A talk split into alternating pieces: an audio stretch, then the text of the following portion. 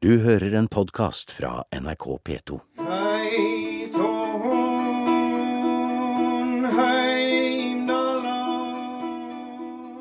Bare ett slag mot disse strengene, så kan vi forestille oss noe av den musikkverdenen som skalleversene i førkristen tid var en del av, sa musiker og komponist Einar Selvik på konferansen om oldnorsk mytologi og religion, som ble arrangert i Bergen i slutten av oktober 2019. What I'm saying is that just just doing this is a time travel.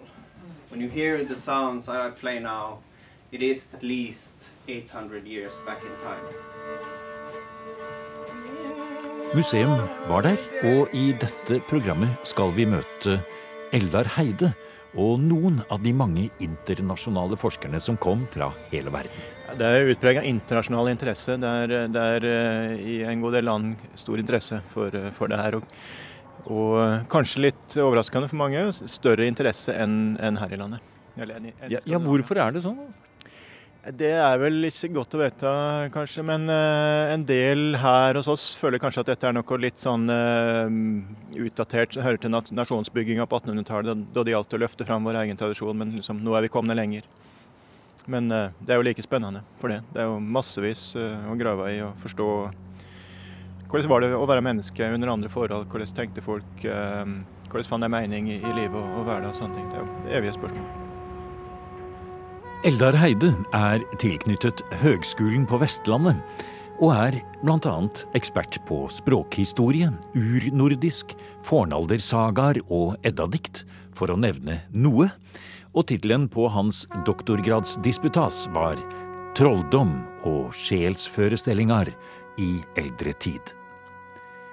Så det er i hvert fall helt sikkert at Eldar Heide passer godt som vert for årets utgave av det som formelt heter The Århus Old Norse Mythology Conference, og som har blitt arrangert bokstavelig talt verden rundt siden 2006, og som altså kom til Bergen i 2019. Old norsk mytologi er et tema med mange forgreninger, og her er det ikke alltid lett å holde oversikt over de forskjellige retningene. For når vi beveger oss til førkristen tid, må en forsker tenke helt annerledes på kilder enn det man kan gjøre i historisk tid, sier Eldar Heide. Det var en helt annen religionstype. eh, Der eh, nettopp kristendommen altså sentral, eh, sentralisert, og, og at du hadde dogme, vedtekne dogmen av autoriteter. Der den førkristne religionen var eh, rett og slett folketru. Det var noe som, som vokste vilt. Og en del av det overlevde jo fram mot vår tid. Fikk leve i fred, gikk under radaren, nettopp fordi at det, det faller utafor det som eh, en innenfor kristendommen oppfatta som religion. Og, og alt det her med, med huldrefolket som bodde kanskje i haugen bak, eh, bak tunet, eller eh, tuftekallen under tuntreet på, på, på tunet, eller eh, forskjellige hjelpere som blir kalla for altså, ja, mest kjent nissen, da, men andre, andre ord. Altså at det som hjelpte til da, usynlig gardsarbeid og alt sånt. Vi har noen spredde glimt i kjeldene av at dette fantes, men det er veldig lite fanga opp. Men det må jo ha vært en veldig sentral del av Men, men sånn innenfor kristendommen så, så er ikke dette noen del av religion i den forstand, og, og derfor da, det er utafor det som vi umiddelbart oppfatter som, som religion. På konferansen om førkristen norrøn mytologi og religion var det både de helt store navnene i denne forskerdisiplinen fra Australia, Oxford, Berkeley, California, Finland, Danmark og Sverige, og helt nye og unge stemmer, som for eksempel den uavhengige forskeren Amy Franks fra London. Hennes syn på sammenhengen mellom moderne homoteori og Odin og Thor skal vi snart komme tilbake til. Men først en av veteranene fra Sverige, Olof Sundquist. Han har arbeidet mye med overgangen mellom førkristen og kristen religion i Norden. Og dette med religionsskifte er jo også noe vi ser rundt oss hver eneste dag, sier Sundquist. Ja, man taler om en eh, sekularisering eh, som har pågått altså siden 1800-tallet. Men den här sekulariseringen har också blivit ifrågasatt och man menar att religionen är på väg tillbaka i samhället, att den har relevans. Och man har satt samman det med globalisering migration och så vidare där det kommer nya folkgrupper till Norden och som för med sig aktiva religiösa traditioner. Man talar också om att religion eh, som har funnits eh, inte helt har försvunnit och att eh, det har uppstått kanske ett religiöst vakuum snarare och man har hittat andra uttryck, nya religiösa rörelser och fiction och så vidare, Sagan om ringen. Och, alltså det finns alltid någonting som kan fylla ut det här vakuumet. Men religion er eh, relevant i dagens samfunn også. Er det noe du som forsker kan bruke når du kaster blikket bakover?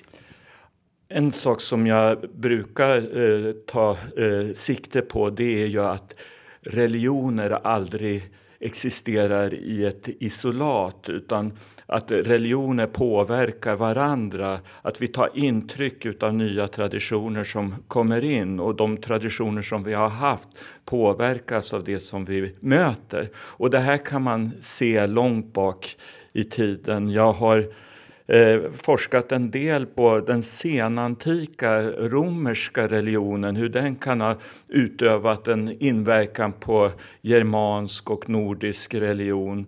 Eh, I synnerhet har jag tittat på något som kallas för Mitraskulten. Det var en mysteriereligion som fanns eh, runt Kristi födelse och århundradena efter. Och det var framförallt militärer som ägnade sig åt det här. Det var en manlig kult, menar man. Och jag och en arkeolog har eh, skrivit en bok då vi menar att Mitraskulten kom att ha inverkan på den germanska religionen och germansk kultur.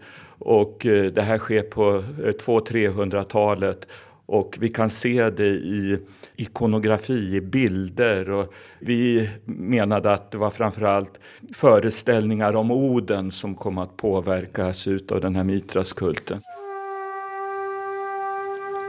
All musikken i dette programmet er laget av Einar Selvik. Noe utgitt på plate, noe spilt på seminaret og noe hentet fra lydsporet til TV-serien The Vikings.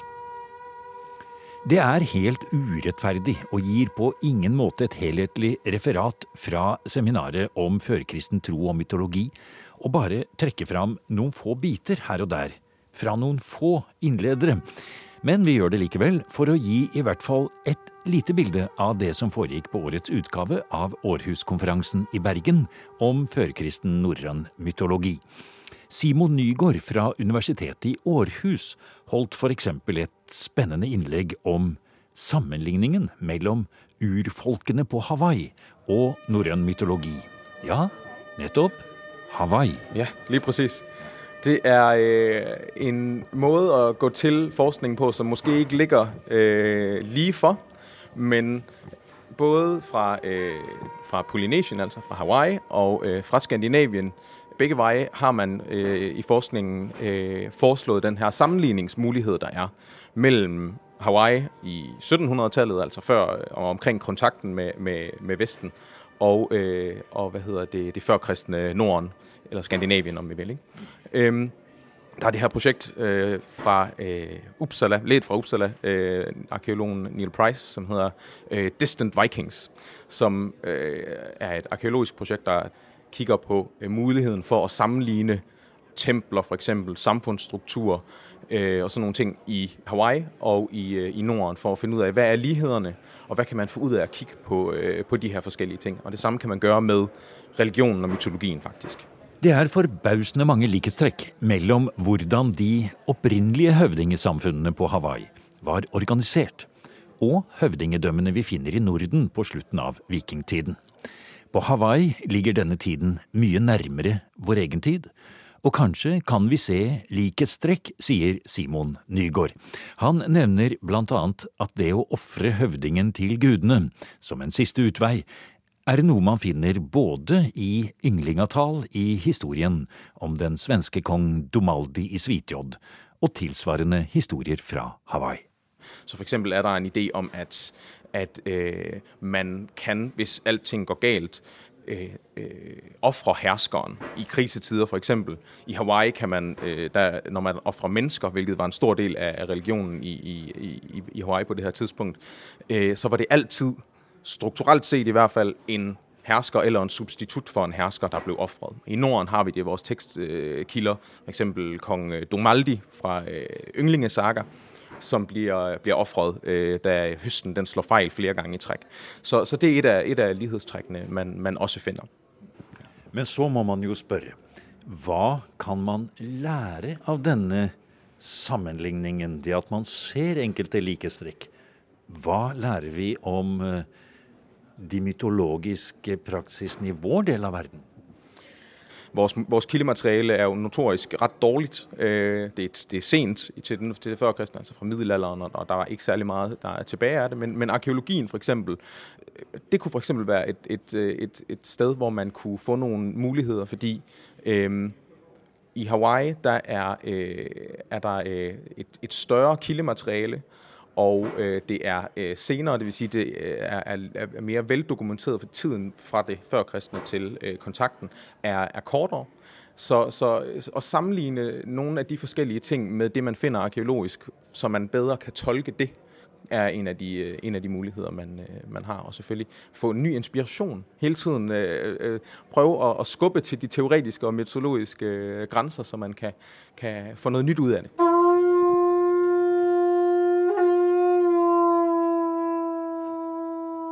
Like a sick animal.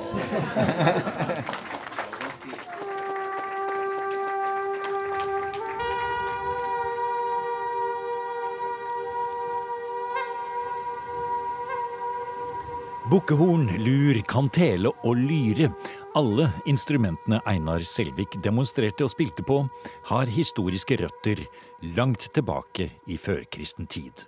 Tempo, rytme, verselinjer og melodiske gjentakelser av ord og lyder kan også være med på å tidfeste og kanskje også fylle ut tomrom i vitenskapen om f.eks. Edda-diktene.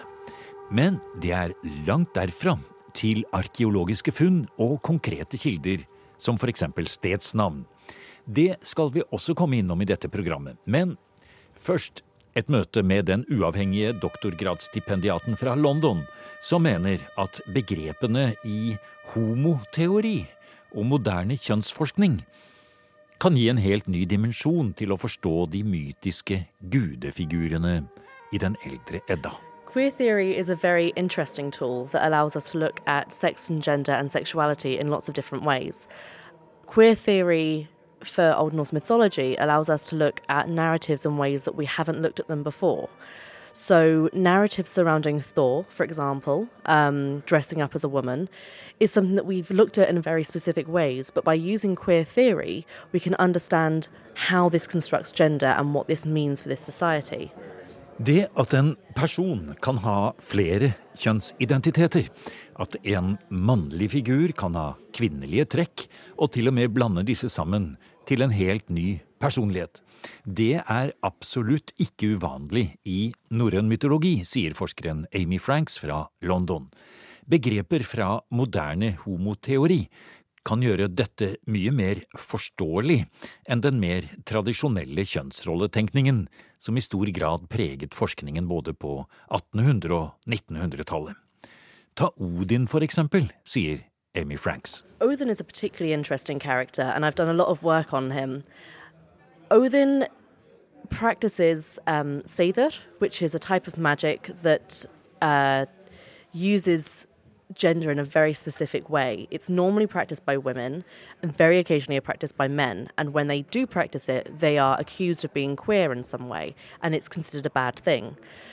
Odin uses this um, as part of his powers, as being part of a god, um, and also in some ways enacts being a woman in some ways, but as a bad woman. So, for example, he uh, seduces lots of other women and has a lot of sex with them, which is something that is only considered to be bad if a woman does it.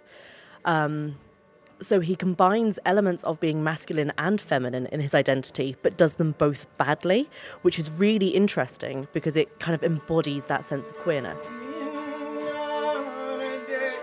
Odin kombinerer feminine og maskuline trekk og blander dem inn i en og samme person.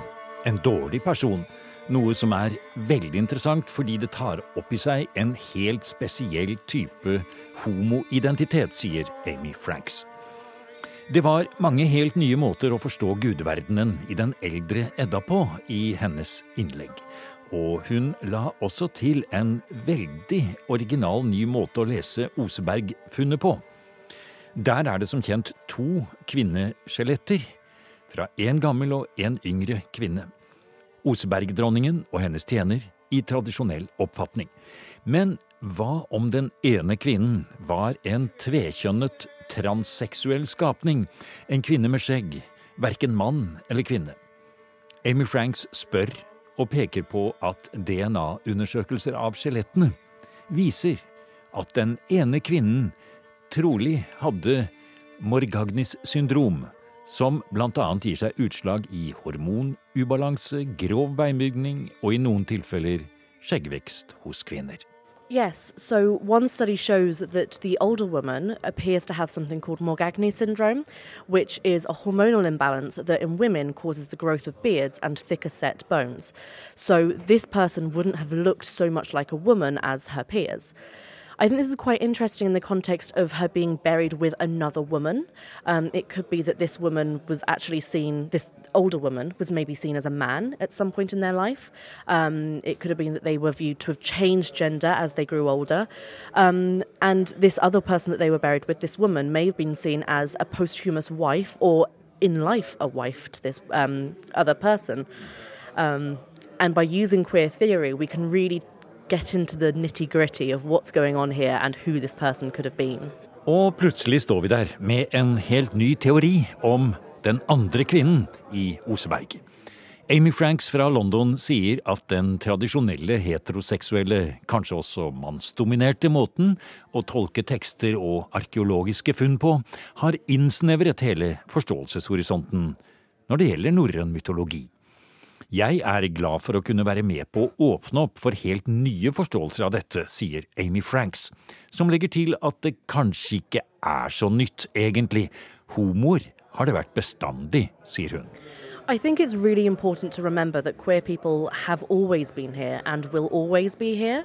And I think by assuming that everyone is straight, we really forget that there is such a vast spectrum of human experience, and that has been celebrated throughout our past. And I think it's really beautiful to be able to explore that in more detail.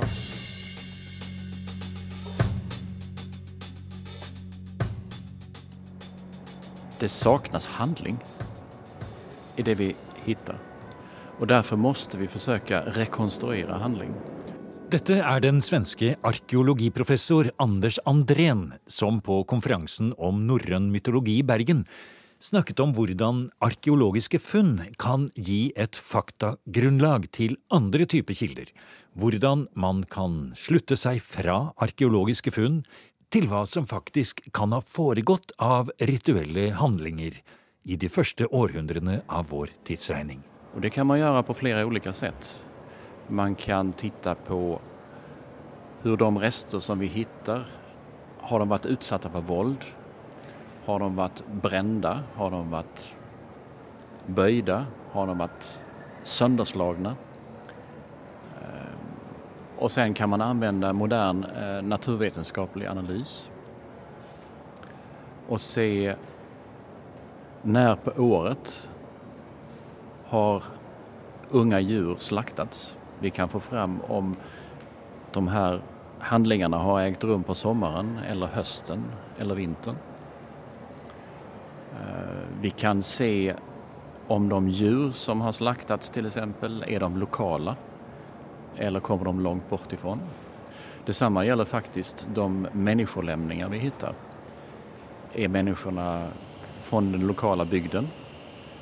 Eller kommer de, är de främlingar? Kan de vara krigsfångar eller slavar som man har eh, avrättat i samband med eh, ritualen? helt enkelt, vi, vi får använda med det som står till buds för oss. Och sen kan vi i slutändan se Finns det någonting utav detta som vi kan jämföra med de norröna källorna, de isländska källorna och säga att ja, men detta är kanske ett alfablot till exempel. Har du noen eksempler på det du nå forteller, fascinerende, fra ditt eget arbeid som arkeolog? Ja, det fins just det jeg nevnte sist, Alfa Bloat. Der finns det en veldig spesiell plass i södra Sverige i landskapet Halland som heter Kärringsjön, Altså kärring, gammel kvinna. Eh, en liten, liten sjø. den er bare 50 meter i diameter. Och där har man hittat mängder med keramik och träföremål som huvudsakligen knyter sig till traditionellt kvinnoarbete i, eh, i, i bondekultur. Eh, och förmodligen är det främst kvinnor som har satt ut keramik och där, där, vet vi från kemiska analyser att de har innehållit någon form av blodpudding eller blodgröt. Och i vissa fall är det hål i keramikkärlen så att gröten har successivt försvunnit. Det vill säga att makterna i sjön har konsumerat det man har ställt ut. Ehm, och sedan finns det ett namn i närheten eh, som förmodligen är det ursprungliga namnet på den här sjön. Den närmaste byn heter Älvasjö. Så det är alltså älvarnas, alvernas sjö. Eh, och det skulle kunna vara det som i norröna källor kallas för alfablot. Fantastiskt. Eh, hva slags datering snakker vi om her? Den här platsen är daterad till 200 och 300-talet så det är en väldigt tidig plats. Det är alltså vad vi arkeologer kallar för romersk järnålder eller romertid som det heter på norsk. Ja, nettopp. Eh, og det er jo så fascinerende nettopp denne sjøen, akkurat som vi vet fra samisk tradisjon med sånne liminale steder hvor man går over fra det ene til det andre. Og man tenker jo med en gang på både Alken enge og Illerup Ådal, som jo også var sjøer som man ofret mange mennesker i. Kanskje over også en lang periode av et år. Eh, og at også menneskerestene lå lenge eksponert for ville dyr og, og det hele. Så man, man ser for seg en, eh, en offerpraksis i Alken Enge, Ilrup Ådal-tilfellet, som kanskje er fienden som har blitt beseiret da. Mens det du forteller om, det er jo antageligvis en praksis som har vært etablert innenfor et miljø, og som de gjør nær sagt for seg selv. Jo, så er det. Så det er, det er helt klart at det er en, det er en eh, plats som enbart har fungerat i det lokala eh, samhället. Och vi vet till och med att keramiken är gjord av lera som kommer bara några kilometer ifrån eh, sjön. Så det är en helt lokal eh, ritual.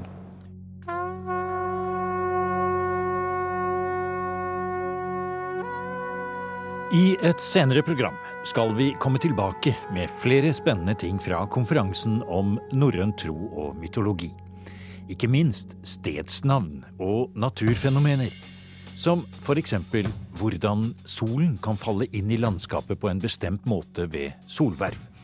Det kan også være spor og kilder til forståelse av ritualer og myter i førkristen tid. Så vi avslutter som vi startet, med Eldar Heide fra Høgskolen på Vestlandet.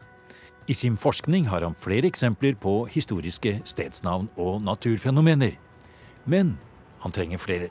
Ja, vi kjenner tre tilfeller. Ehm, det klareste er på, på Tysnes i, i Sunnhordland. Eh, der eh, på, Det klareste er på vintersolkverv. Eh, sola går ned bak fjellet i sør. Så kommer hun fram igjen og skinner noen få minutter med en konsentrert stråle på ei diger røys fra ja, antakelig bronsealderen. Og I prinsippet det samme gjentar seg da på sommersolkverv, da for en helt annen kant, ikke så konsentrert stråle. Og høstjamdøgn, vårjamdøgn, eh, enda, bak enda et fjell. da, Så ekstranummer eh, og skin da på dette neset, som har fått navnet Tysnes. Eh, neset til guden Ty. Eh, og det er en hel klynge av eh, sakrale stadnavn rundt der, den største konsentrasjonen av sakrale stadnavn på, på, Vestlandet. i det området. Så har vi et tilfelle i i, i Gloppen lenger nord på, på, Vestlandet. Og så har jeg nylig fått kjennskap til oppe på Hasseløya i Vesterålen, der det er altså på den siste soldagen. Det, det er mørketid. Siste soldagen så eh, skinner sola med konsentrert stråle på en bautastein, men bare toppen av bautasteinen og gravhaugen bak, og så ligger hele omlandet i skugge. Og Der òg er det noe med at, at, sola kommer fram da på, på eh, sommer, eller står bak et fjell og, og skinner på det samme området. Så spørsmålet er jo om det ikke er flere steder i landet. At vi har noe sånt at sola utmerker da en stad som spesiell. Og slik at en nå har valgt å, å, å legge noe slags kultisk eh, monument, eh, eller stadnavn, eh, på den, på den staden. Ja, så Det leter du faktisk etter. Så da er det noen som hører dette og vet om det, så må de kontakte Eldar Heide. Det hadde vært veldig fint. Så enten da um, altså, Ja, vintersolkverv nærmer seg. Uh, så blir det jo sommersolkverv med tid òg, men, men, nordpå så er det jo den siste soldagen, om det kan være noe uh, punkt som blir utmerka av en sånn stråle da. Du har nå hørt en podkast av programmet Museum fra NRK P2. Og send gjerne en e-post til museum krøllalfa nrk.no.